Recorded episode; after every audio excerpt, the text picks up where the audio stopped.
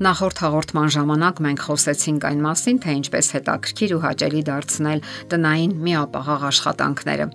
ինչպես չտրվել աշխարհում տիրող մեծ մրցավազքին եւ ապրել հաճելի ու խաղաղ կյանքով։ Մենք ապրում ենք խելագար ռիթմերով լի աշխարհում։ Հաճախ ժամանակ չի մնում պարզապես տնային գործերի համար։ Օրինակ, ճաշ պատրաստելը, Ժամանակ չունենք թարմ բանջարեղեն կամ մրգեր գնելու, եւ մի օր հանկարծ նկատում ենք, որ դրանց ժամանակն արդեն անցնում է։ Իսկ դուք մտածում եք, որ շուռ եք տալիս աշխարհը եւ ցնցող հայտնագործություններ անում, փոխում պատմության անիվը։ Մինչ դուք մաքրում եք գրապահարանների փոշին, ինչ որ մեկը բիզնես կայսրություն է հիմնում։ Արագության եւ արդյունավետության մղվող մեր աշխարհում համարյա ժամանակ չի մնում կյանքը գեղեցիկ կառուցելու համար։ Չեք հասցնում հանգստանալ, վերականգնվել ու թարմանալ։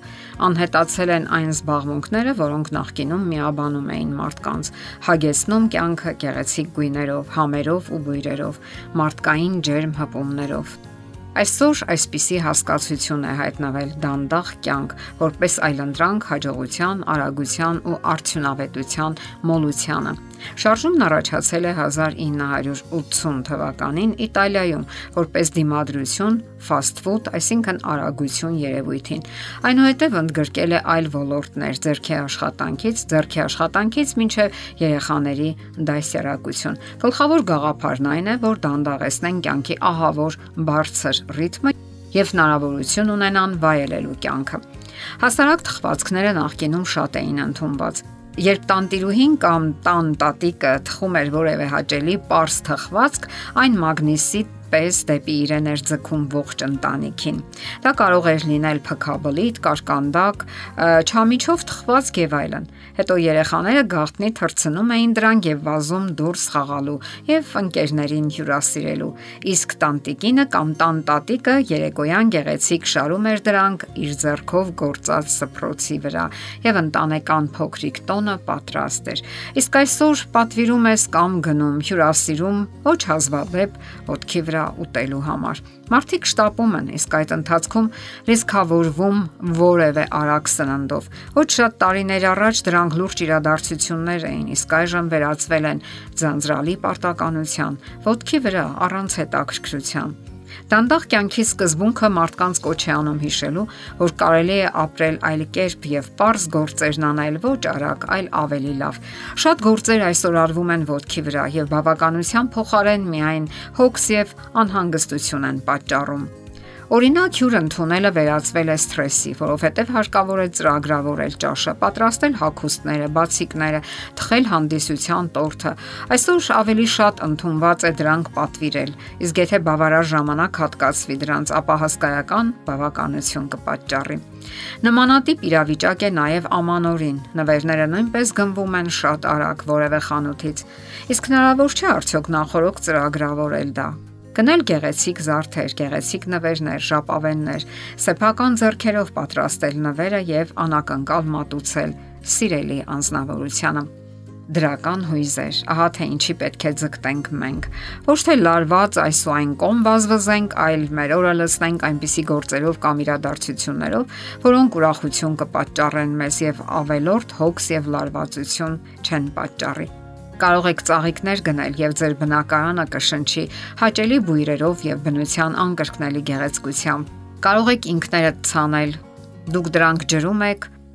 մաքրում, փխրեցնում հողը եւ այդ գործողությունները հանգստացնում են ձեզ։ Հետո հպարտությամբ դրանք ցույց եք տալիս տնեցիներին, հարևաններին կամ էլ ձեր հյուրերին Ինչ կարելի ասել արտակինի մասին։ Այստեղ եւս կարելի է դանդաղ կյանքի բաղկացուցիչներ ներդնել։ Պարզապես ժամանակ եւ առավոտյան հարդարանք, ոչ թե շտապ-շտապ համարյա վազելով, այլ դանդաղ եւ ուրشادիր գնահատելով արտակինը, սանրվածքը, դիմահարդարումը, այդ ամենի նրբերանգները։ Մենք շատերից ենք լսում ժամանակ չունեմ արտահայտությունը, բոլորովին ժամանակ չունեմ։ Սա սխալ է եւ անտրամաբանական։ Ժամանակը բոլորիս հավասարաչափ է տրված։ Հարկավոր է պարզապես գնահատել այն եւ արժևորել համապատասխան գործերով ու պարտականություններով եւ իհարկե չմոռանալով հրատապանելիքները։ Մարդն ինքն է սահմանում եւ ձևավորում սեփական կյանքն ու կենցաղը, եւ այն պետք է բավականություն պատճառի, լինի հաճելի, այլ ոչ թե սթրեսի առիթ տա։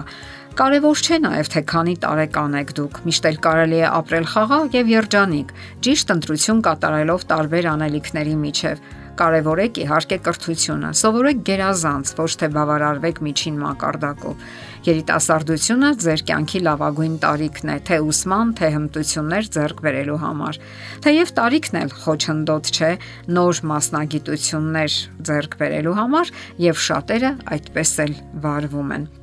Իսկ ընդհանուր առմամբ ինքներդ ձեզ հարցրեք. ուր ենք շտապում ընդհանրապես։ Արդյոք 80 կամ 90 տարիներից ավելի ենք ապրելու։ Միթե կյանքը նաև նրա համար չէ, որ վայել ենք այն, ապրենք իմաստավորված եւ հավասարակշռված։